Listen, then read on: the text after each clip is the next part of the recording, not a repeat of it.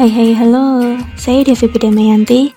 Pada kesempatan kali ini saya akan sedikit membahas mengenai dunia entrepreneurship. Yang pertama, apa sih peluang usaha itu? Peluang sendiri berarti ruang gerak, baik yang konkret maupun yang abstrak, yang memberikan kemungkinan bagi suatu kegiatan untuk memanfaatkannya dalam usaha mencapai tujuan atau kesepakatan. Selanjutnya, apa sih usaha?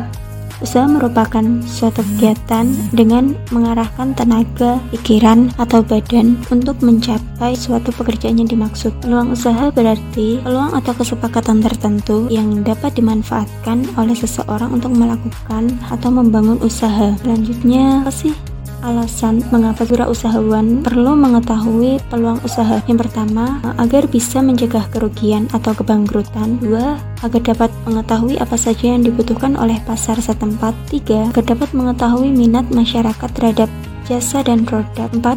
Agar dapat mengetahui apakah mendapatkan kerugian atau keuntungan saat menjalankan sebuah usaha. 5 agar dapat menentukan teknik pemasaran yang tepat. 6.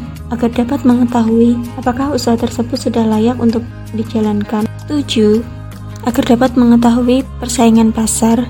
8. Agar dapat mengetahui kapan usaha bisa berjalan dan masih banyak lagi. Saya juga akan menambahkan mengenai teknik untuk menemukan peluang usaha. Yang pertama, sebagai seorang usahawan harus sering melakukan pengamatan dan penelitian mengamati perkembangan pasar, meneliti perubahan keperluan masyarakat, mencermati apa yang sedang viral, booming di masyarakat. Kedua, harus sering membaca buku, majalah, dan bacaan lainnya yang berhubungan dengan kewirausahaan atau dengan bisnis. Dan yang ketiga, sering mencari informasi. Informasi sendiri merupakan uh, sebuah jendela datangnya rizki atau pintu untuk kita menjemput rizki karena adanya peluang usaha.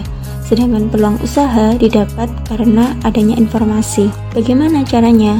Kita dapat mengetahui dari cerita orang-orang yang menekuni wirausaha tentang peluang usaha mendengarkan informasi dari media elektronik dan media cetak, serta melakukan wawancara dengan pelaku usaha atau konsumen. Sekian bincang-bincang um, kita kali ini. Apabila ada salah kata, saya mohon maaf. Have a nice day.